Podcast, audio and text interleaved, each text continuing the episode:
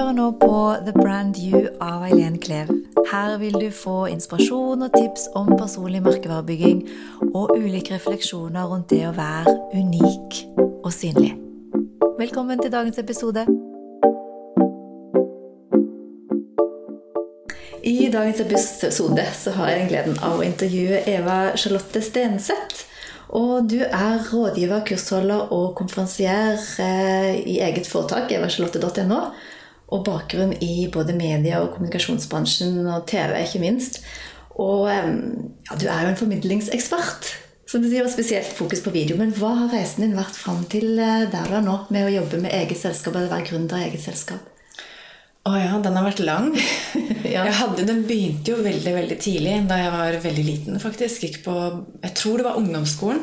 At jeg satte meg der og tenkte at en dag så har jeg lyst til å drive mitt eget foretak. Og jeg skrev om det òg. Hadde du en familie som drev eget foretak, eller hva var Nei. grunnen til Nei? Nei? Jeg, har, jeg tror jeg bare har vært en type som har lyst til å gå litt mine egne veier og gjøre mine egne ting. Men eh, det var jo veldig lenge etter det at jeg faktisk starta. Så jeg gikk Journalisthøgskolen, Mediehøgskolen og jobba mest i TV-bransjen. Var innom flere kommunikasjonsbyråer. Eh, Gelman Kise var det siste, og det var der jeg da fant ut at nå er tida inne for å gjøre noe eget.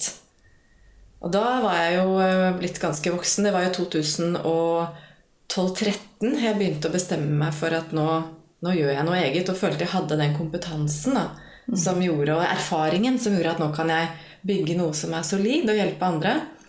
Og da hadde jeg jo jobba med formidling og kommunikasjon på flere nivåer. Da. Altså I TV-bransjen så formidla jeg jo sjøl, som nyhetsanker og programleder og reporter. Og i, eh, medie, nei, i kommunikasjonsbransjen så ga jeg jo råd til andre.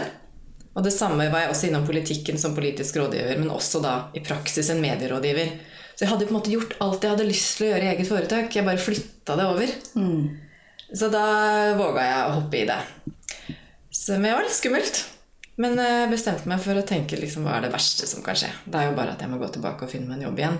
Og det, det har ikke skjedd. Og nå føler jeg liksom, nå er det opp til meg ja, Det er liksom opp til en sjøl når man er gründer, føler jeg. Hvor, eh, hvor eh, bra man har lyst til å gjøre det, eller hvor man vil legge trykk, eller når man skal utvikle videre. Man har en sånn frihet, som mange kaller det, som også på en måte er en, eh, noen ganger en belastning òg. Fordi at du har så mye ansvar sjøl. Ja. Men man føler virkelig at man er sin egen lykkes med. Og det er noe med det også som gjør at du har en sånn gulrot foran deg som du løper etter hele tiden. Jeg syns det er kjempegøy. Og veldig mye spennende folk jeg får jobbe med.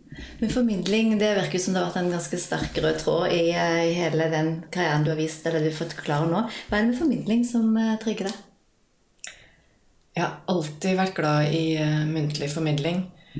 Åh, det var et godt spørsmål. Det som trigger meg, tror jeg er når jeg jobber med andre, så får jeg fram den indre kraften deres, den indre gnisten, som, som gjør at de også får mer tro på seg sjøl. For eksempel så jobber jeg mye med enkeltpersoner nå, eller i bedrifter, der folk vil bli bedre på å formidle foran videokamera. Og så ser jeg også at i den prosessen så er det ikke bare formidling det går på. Det går jo mye på selvbilde, selvtillit. Det å på en måte reise seg opp og våge å tro på at det man har å komme med, er bra nok. Ikke minst det er mer enn bra nok.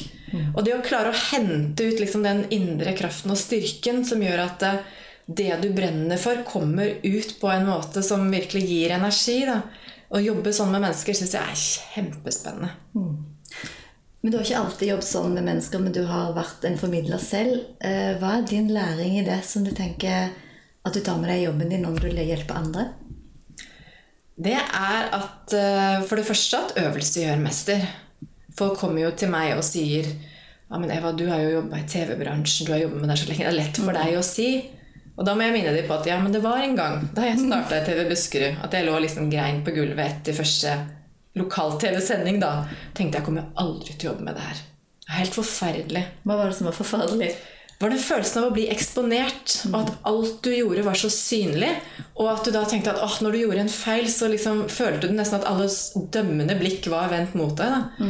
Og det tror jeg mange kjenner på, den der menneskefrykten at tenk om jeg feiler? Om det jeg har å komme med, ikke er bra nok? Tenk om de dømmer meg? Tenk om jeg blir avslørt? alle de, Jeg har på en måte vært igjennom alle de følelsene og har en veldig sånn læring i det at jo mer du trener, jo mer du klarer å snu fokus ut da, på de du faktisk skal gi dette budskapet til, om det er fra en scene i et møterom eller foran videokamera, mm. og bort fra dine egne indre tanker som, som, spiser opp selvbildet eller mm. tryggheten, da, og ha fullt fokus på budskap og målgruppa di, så skjer det noe.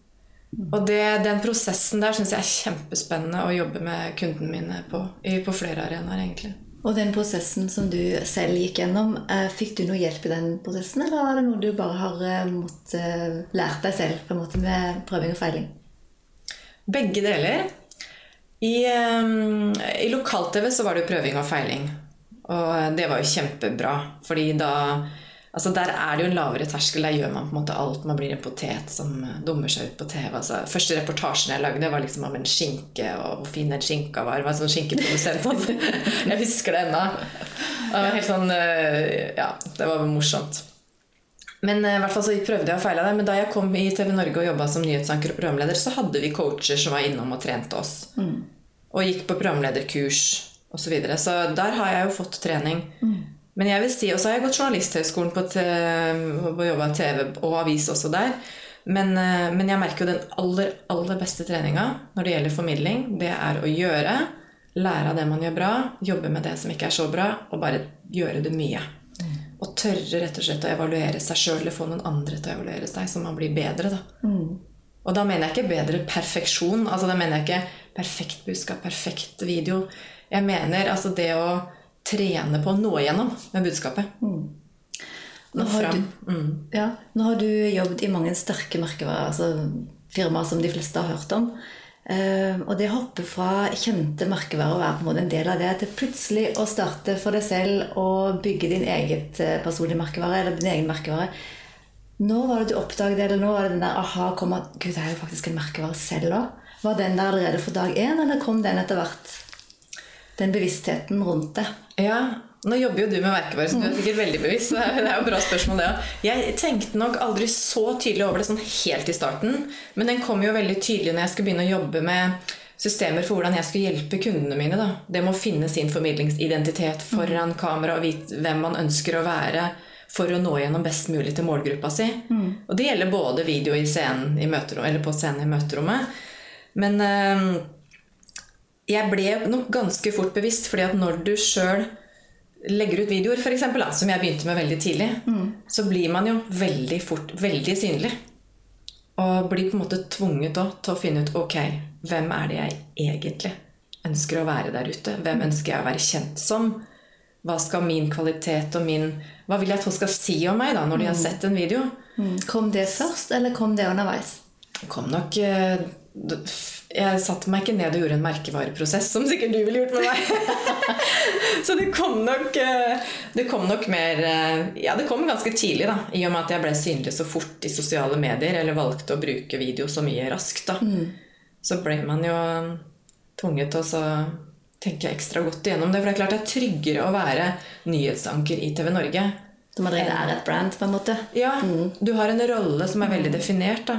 Mm enn det å plutselig være Eva Charlotte Stenseth, som eh, er en rådgiver og en eh, kursholder og en konferansier, f.eks., som jeg gjør mest av. Da. Mm. Mm. Og som da skal brande seg, og hvordan skal kundene finne meg? ikke sant? Hvordan skal de vite at jeg kan det jeg driver med? Og hvordan skal man bygge troverdighet og tillit når man bare er seg sjøl, og ikke TV Norge eller Gelman Kise eller hva mm. navnet måtte være? da. Mm.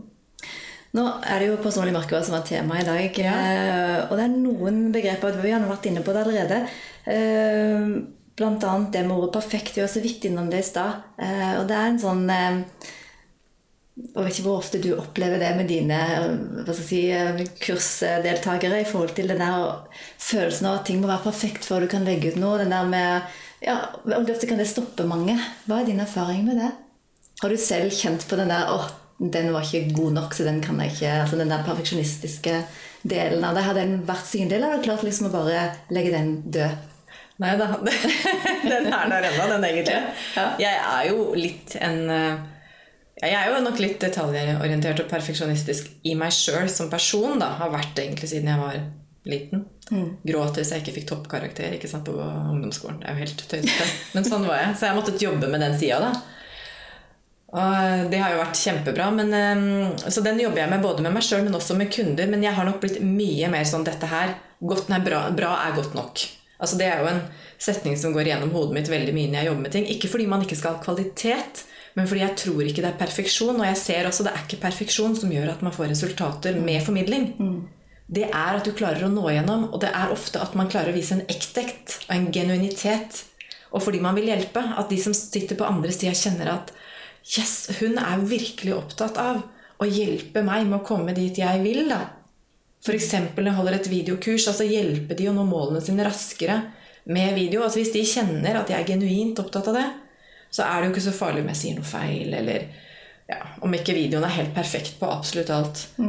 Men det er klart jeg som for holder kurs i også videokommunikasjon, får jo til tider tilbakemeldinger i sosiale medier om fra da f.eks. lydeksperter ja, nå kunne lyden din vært litt bedre her og ditten og datten. Og det vet jeg jo ofte sjøl også, men det er ikke alltid jeg tar en video en gang til fordi jeg får litt romklang på en video. Fordi jeg tenker ok, nå var jeg i det rommet. Det var litt romklang der, det får vi bare leve godt med. Det er ikke det som på en måte er min ekspertise. I utgangspunktet er jeg jo ikke en lydmann. Men jeg vet jo hva jeg skulle gjort for å få bort det. Men altså, det er jo et eksempel på at hvis alt til enhver tid skal være perfeksjon, så tror jeg det er veldig få som våger å komme i gang da, med både formidling fra en scene eller et møterom, eller i hvert fall på video. For da blir terskelen så høy. Da blir, må man jo være en TV-kanal for å tørre å gjøre noe som helst. Så jeg jobber med det med meg sjøl, og jeg har blitt, ja, altså, nå er jeg ganske avslappa. Uh, og kundene mine også. Jeg må fortelle dem nå må dere bare begynne. Dere må bare begynne å legge ut de videoene deres. Det er bra nok. Det er ikke det som gjør at du får resultater, at det ser ut som du kommer fra TV 2 liksom, og har et team rundt deg. For det er jo det som er greia, som jeg lærer bort, og hvordan du skal gjøre ting sjøl. Men Har du opplevd noen videoer som du har lagt ut selv, hvor eh, det har enten at du har snublet litt, eller det har vært noen utfordringer som du tenker at jeg burde kanskje ha gjort noe, men jeg publiserer den likevel. Har du merket noe av de videoene at de blir mer likt enn andre? Jeg har merka de videoene hvor jeg tør å være sårbar, da. Hvis jeg kan si det. At jeg har hatt noen eksempler på det hvor jeg har vært sånn nedpå. Jeg husker jo veldig godt helt i starten da jeg begynte å legge ut videoer. Så leide jeg en profffotograf til de første videoene.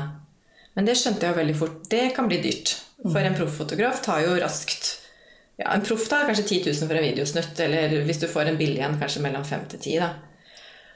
Og, og, da Det går jo ikke i lengden. da får man ikke lagd videoer så ofte. Så, så når jeg da skulle begynne å, å lage videoer sjøl, så, så merka jeg jo veldig raskt at jeg måtte ja, bare, bare senke terskelen, da. Og, og være meg sjøl og tåle at det var litt mer nedpå.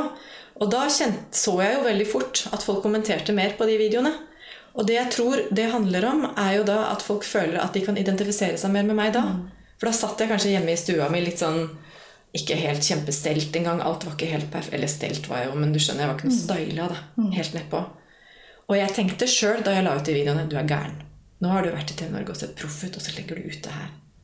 Og jeg kjente bare Og jeg måtte svelge liksom tre ganger. bare, Uff a meg, liksom. Men jeg bare gjør det. Og så begynte jo folk å sende meg mail og kommentere og var så positive. tenkte jeg, wow.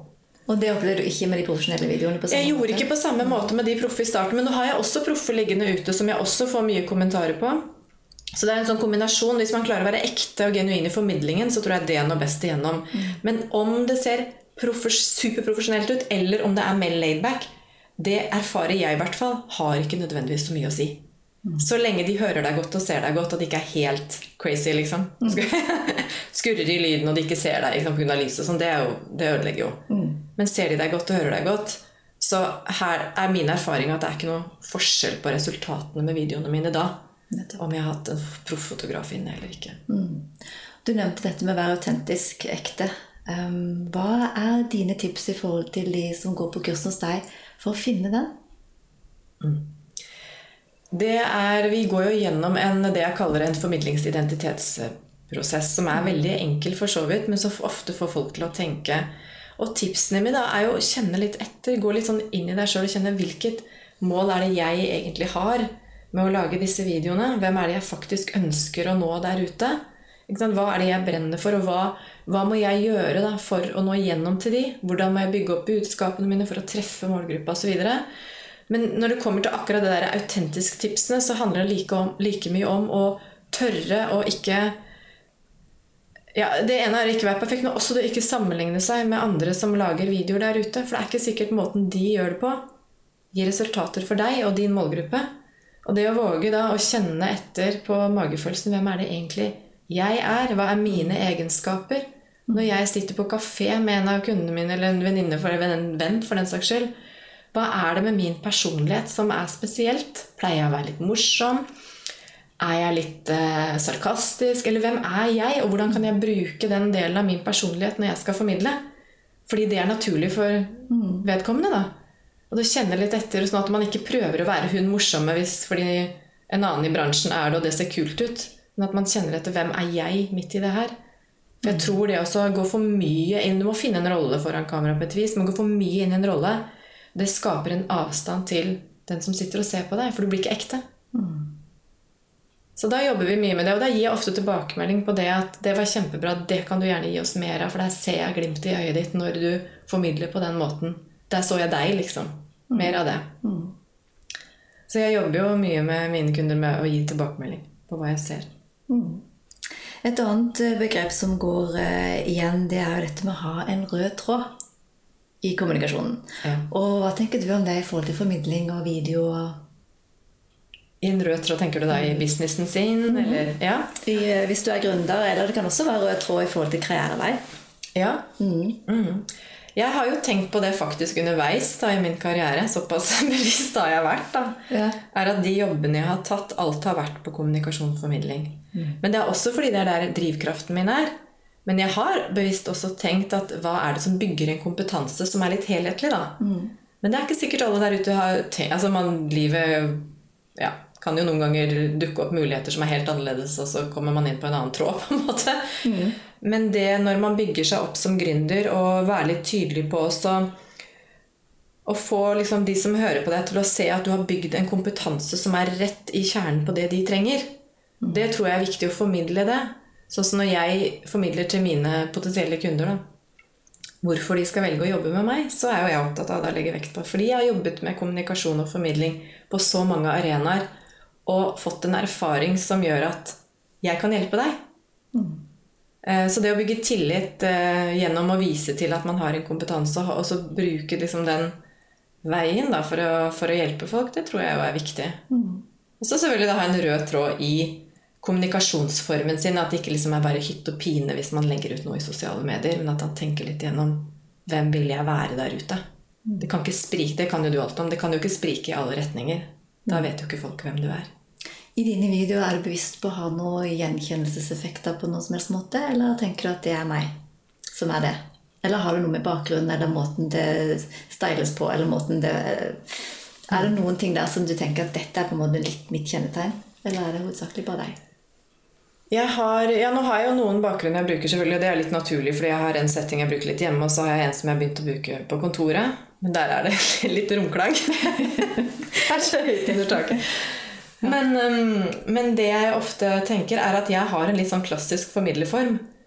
Og jeg, klassisk? Nei, det vil kanskje si at jeg ikke formell, men jeg er heller ikke hun derre ho-ho, kjempemorsomme.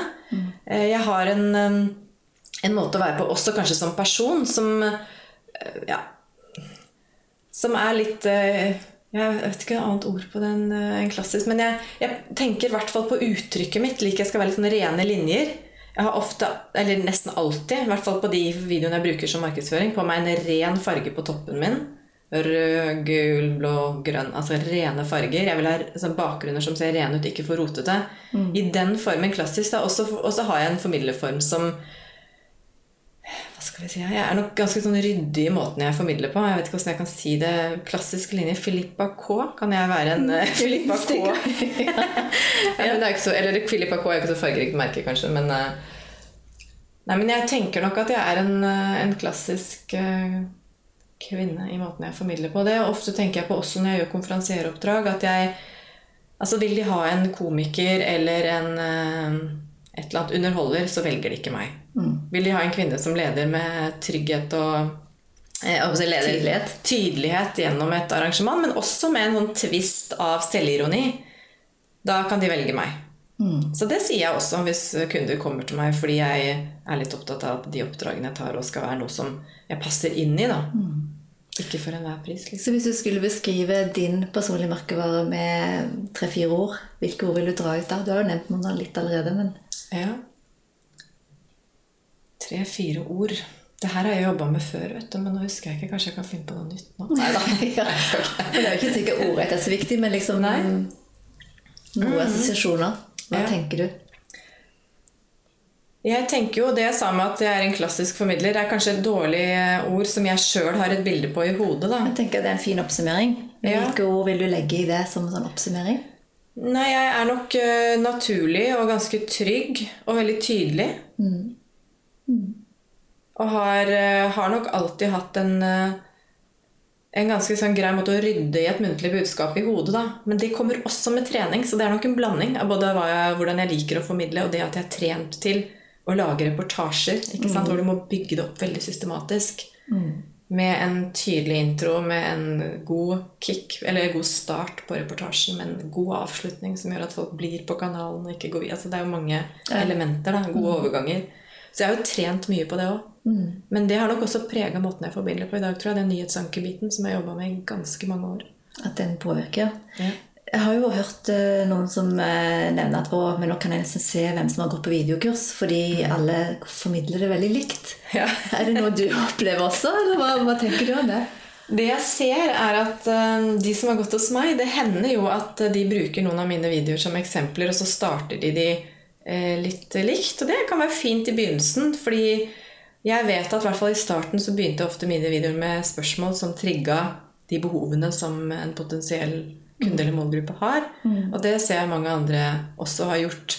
Og ikke bare pga. at jeg har gjort det, men mange som har brukt spørsmål som en start på videoer. Så det jeg prøver å si til kundene mine, er prøv å tenke kreativt. Det er mange måter å ha en inngang på et budskap eller en video for å fange oppmerksomhet. Det viktigste er faktisk at du først får folk til å stoppe opp. Om du kommer med noe fakta som er veldig interessant, at folk vil høre mer, hvilke knagger skal han henge dette på? Om du stiller gode spørsmål som gjør at den som ser på, virkelig skjønner at det er meg hun snakker til. Om du kommer med eksempel på en historisk hendelse som folk kan relatere til. En hverdagshistorie. Visualisering. Altså Det er veldig mange måter å starte en video på. da. Så jeg ser jo at vi har blitt like flere der ute, og at det gjør at man eh, bør eh, på å si vri kluten, eller hva skal man si, for å liksom finne på noe nytt. da. ja, ja.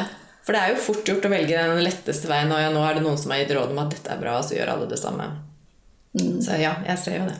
Eh, da må vi jobbe litt kreativt. Og det med å være autentisk handler kanskje også det med å være eh, avslappa foran kamera. ja, det gjør Hva er dine gode tips til deg? For du har jo eh, sikkert trent deg veldig mye for deg selv, og du har sikkert sett også veldig mange ulike utfordringer som gründer sliter med. Mm. Og hva er tipsene som du ser går igjen, som du kan gi til oss i dag Ja. på det å kunne være litt mer avslappa? Enten det er for en video, eller det er formidling generelt sett. For formidling er jo en viktig del av å få fram din personlige merkevare, enten du er gründer eller du skal på jobbintervju. Ja, kjempeviktig. Jeg har jobbintervju òg, Guri. Det er viktig. det. Ja, ja. Det er veldig mange synes som spiller en rolle i jobbintervju. Ja. når du først er inne på det. Og det Og er, ditt er samme på video òg. Ja, Nå spiller en rolle, nå skal jeg være eksperten, men egentlig sier er jeg ikke det innerst inne. Eller egentlig sier er jeg en annen person når du treffer meg live. Um, så det å kunne koble på å være også eksperten, men ikke miste deg selv når du er eksperten, da, du Ja. Mm. Og det er en kunst, for det blir jo sånn som da jeg jobba i Jeg skal gi, deg, gi noen råd på det, men da jeg jobba i TV-bransjen, så, så var jeg jo nyhetsanker, og det er en veldig tydelig rolle. Men Du skal ikke miste deg sjøl helt, men du mister deg selv litt, for du blir jo ja, en rolle. Eh, Og det er man jo også når man er på video, så du er jo ikke den samme som når du sitter hjemme i stua med beina på bordet og kaffen. liksom. Så man er på en viss grad en rolle, men det å klare allikevel å være naturlig uten at du på en måte blir uprofesjonell. da. Ja. For du kan være proff, men avslappa. Mm, absolutt. Mm. Og da, det rådet jeg ofte gir, er jo for det første trening. Trening, se på videoene dine. Få deg å gi tilbakemelding sjøl, evaluere de, og få andre til å se på de. Hvordan oppleves du? For det kan godt hende du opplever noe, men de som ser på, opplever noe annet. Så det er kjempeviktig å få tilbakemelding og få noen til å se på videoene. Eller, eller å se på deg som formidler fra en scene eller i møterommet. For faktisk, Det gjør jeg jo på hvis jeg har presentasjonstreningskurs. Filmer. Jeg filmer jo på alt. Og, eh, og hvis du ikke har gått på kurset hos deg og vil ha tilbakemelding, eh, du kan ikke bare spørre hvem som helst, eller? Nei. Du, det jeg ville gjort, var jo å spørre noen som er i målgruppa, helst. Hvordan de opplever det. Og så kanskje noen profesjonelle for å gi deg noen profesjonelle råd. da. Mm. Typ meg eller andre som jobber med dette her i, i bransjen. Men det å få, råd, eller få tilbakemelding fra hvordan budskapet ditt lander hos målgruppa, er jo kjempeviktig.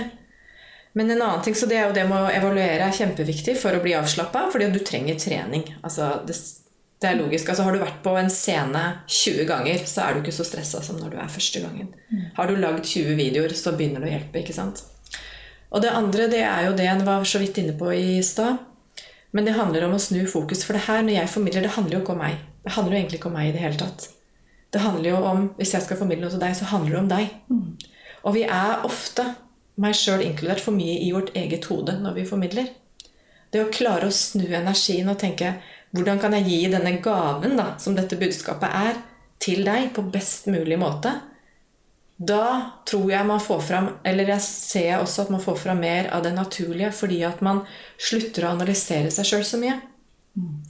Istedenfor å tenke når man er på en video eller på en scene og hvordan står jeg nå? Å nei, nå, off, nå glemte jeg det jeg hadde tenkt å si. Det er jo tusen tanker som kan gå gjennom hodet. Så snu fokus. Og det jeg ofte gjør f.eks. når jeg kommuniserer foran videokamera, det er at jeg, har, jeg puster, og så tenker jeg Se for meg en som jeg skal formidle til der ute. Jeg ser for meg en av kundene mine f.eks. ofte. Kanskje jeg har sett for meg deg noen ganger. og, så, jo, og da ser jeg for meg vedkommende. Og så tenker jeg nå er det henne eller nå er det han jeg snakker til. Og bare han og henne jeg skal tenke, liksom, ha, i, ha i hodet når jeg formidler. Så må du selvfølgelig huske det du skal si, men da har jeg ofte hjelpemidler. Og det kan du ha både på en scene eller foran videokamera. Stikkord eller programkort eller you name it. Men det å snu fokus og kjenne at eh, ja, det er den andre det handler om. Veldig bra. Vi var så vidt innom det i innledningsvis også, dette med den frykten eh, når du da begynner å bli synlig. For skal du eh, få drømmejobben eller drømmekunden hvis du er gründer, så handler det jo noe om å være synlig. Og da er det den frykten med hvis jeg er for synlig, så vil alle se meg, på en måte. Og den frykten du nevnte når du var i lokal-TV, og du kjente på den første, og at nå var du veldig eksponert. For hva er tipsene som du gir på dine kurs i forhold til den frykten? For den tror jeg vi alle har kjent på. Og jeg tror eh, noen kjenner på det mer enn andre. Men, men hva er dine tips? Ja, det er jo det er, jo- Jeg håper jeg har jo ingenting med Jo, det har jo med trening å gjøre, for så vidt. Men, men det, jeg føler det har med å gjøre ofte hvordan man ser på seg sjøl, og hvordan man også ser på mennesker rundt seg. For det handler jo i bunn og grunn om en menneskefrykt. Frykt for hva andre tenker og sier om meg, og hva jeg, hvordan jeg blir sett på der ute. Og jeg tror jo Altså, jeg pleier å se for meg et bilde, da. Jeg gir jo eh, ulike råd til mine kunder uavhengig av hva den frykten ligger i eller bunner i. da. Nå er jo ikke jeg noen psykolog, men det er jo mange ting eller, ja, det er mye den frykten kan bunne i. da. Men det jeg ofte pleier å gjøre sjøl, det er å bevege blikket mitt opp, og så ser jeg på jordkloden som en eh, kule. Og der løper vi menneskene rundt som maur og prøver å tilfredsstille hverandre eller et eller annet vi prøver å jage etter. Og så tenker jeg, vet du, her er det jo mange milliarder mennesker i verden. Seks, sju? Er vi sju nå? Nei. ja, så, så tenker jeg, vet du hva At det blir så smått. Altså, skjønner du at du prøver å få perspektiv, da. Så hva, hva betyr det egentlig om noen av alle disse menneskene ikke syns det jeg gjør, er helt magisk? Det er faktisk helt ok. Det å lære seg og trene seg til å tenke at vet du hva, det er helt ok. Så lenge jeg er rett og rettferdig og gjør det jeg kan liksom for å ja, For å gjøre en god jobb, da, så vil det alltid være noen der ute som ikke liker meg eller det jeg gjør. Eller det du gjør. ikke sant? Sånn er det. Og det å slappe litt av med det og tenke at pytt, pytt. Shit happens. Sånn er det bare. Sånn er verden. Så når jeg ser for meg den kula, så ser jeg for meg at snart ligger Det er veldig dramatisk, da. Snart ligger vi alle under torva, liksom. Snart ligger vi alle under jorda. Hva er det verste som kan skje, egentlig? Altså, Hvor farlig er det her, egentlig? Det å snu perspektivet litt Vi kan henge oss så veldig opp i at vi tror at vi selv er så viktige at alle der ute tenker så ekstremt mye på oss. Men de fleste tenker mest på seg sjøl. Og det å da være en genuin formidler som viser at du vil hjelpe noen Om noen da ikke liker det du gjør, eller syns det du gjør er dårlig, eller Ja, ja. Sånn er det bare. Veldig bra metafor. Men har du noen opplevd noen som har vært virkelig hva skal jeg si, Har du opplevd de nettrollene som alle snakker om? Jeg har opplevd noen av de. Ja. er en gang jeg gikk litt i tottene på en som jeg ble litt irritert på. og tenkte søren, hvorfor gjorde jeg det? Nå lot jeg meg rive litt med. Eh, Men jeg syntes han var ufin. Eh, Men så tenkte jeg etterpå at det var faktisk ikke verdt det. Jeg gikk i dialog med vedkommende. Men det som, som regel når jeg opplever det Det, ikke, har helt, eh, det har ikke vært helt ekstremt hos meg, men det er alltid noen som mener noe. Og det du leverer, er kjempedårlig. Bare dritt som kommer fra deg. Og, altså, sånne meldinger får jeg. Dypper inn, drypper inn her og der liksom innimellom. Hvordan takler du det? Det, da svarer jeg Jeg takler det egentlig ganske greit. Jeg svarer veldig sånn eh, Takk for din tilbakemelding, og håper du får en flott dag, liksom. Så jeg svarer veldig enkelt, Ja. bortsett fra den ene gangen jeg gikk i dialog. Og den lærte du av? Og den lærte jeg. Ja. Så, og så kan det selvfølgelig hende at eh, den, noen sånne kommentarer kan henge litt ved, for sånn er vi. Men det jeg gjør da, er at jeg rett og slett jobber mentalt. Da sier jeg ok, Eva, vil du virkelig at det der skal ødelegge dagen din? Og så tenker jeg nei, vet du hva, det vil jeg ikke. Så da bare har jeg en sånn, også et bilde i hodet hvor jeg har en kiste hvor jeg legger det ned i, og den kista lukker jeg igjen. Altså jeg har bilder i hodet Ja. hvordan, hvordan jeg håndterer ting i livet. Som f.eks. menneskefrykt, som jeg sa. Med jordkloden. Veldig bra metafor begge to. Ja. Mm. Du nevnte innledningsvis at du allerede som eh, ja, barneskolealder visste at du hadde lyst til å starte for deg selv. Er det noen sider av deg som fremdeles ikke har fått kommet fram ordentlig? Fra du var liten, så du tenker at å, jeg kunne gjort mer av det, jeg kunne vist mer av den siden. eller kunne... Er det noen ting som du tenker at eh, her er potensialet? Ja, ja, apropos det, sånn klassisk formidler. For det, det vennene mine sier Hvorfor er du ikke mer leken på videoene dine? For du er jo veldig Du sier jo alltid så mye morsomt når vi er sammen. Eh, Og da tenker jeg, og det er jo sikkert det intervjuet her, da. Nå har jeg ikke vært så veldig morsom. ja, men i hvert fall eh, Det er nok en side jeg kan vise mer av. Altså våge å spille mer på Humor? Ja, altså sp- spille enda mer på den jeg er blant uh, venner, da. Og våge å vise enda mer av, eh, av det. Eh, Det kunne Spennende. vært Ja, det kunne Ja. vært morsomt. Det hadde vært så Gå litt vekk fra TV Norge-formidlingen, men mer jeg var Charlotte. Bare. Ja. Kanskje hvis jeg starter et konsept som ikke handler om video, så kan jeg frigjøre meg enda mer fra det. Ja. Så vi får se. Det er ting jeg har i tankene. Så vi får se hva som kommer. Du har gitt veldig mange tips eh, allerede i forhold til hva eh, Både på rundt det med å være unik, det med å være autentisk, eh, også det med synlig. Men hvis du skulle Ja, kan spørre om det, egentlig. Personlig merkevare som begrep. Hvilken farge gir det for deg?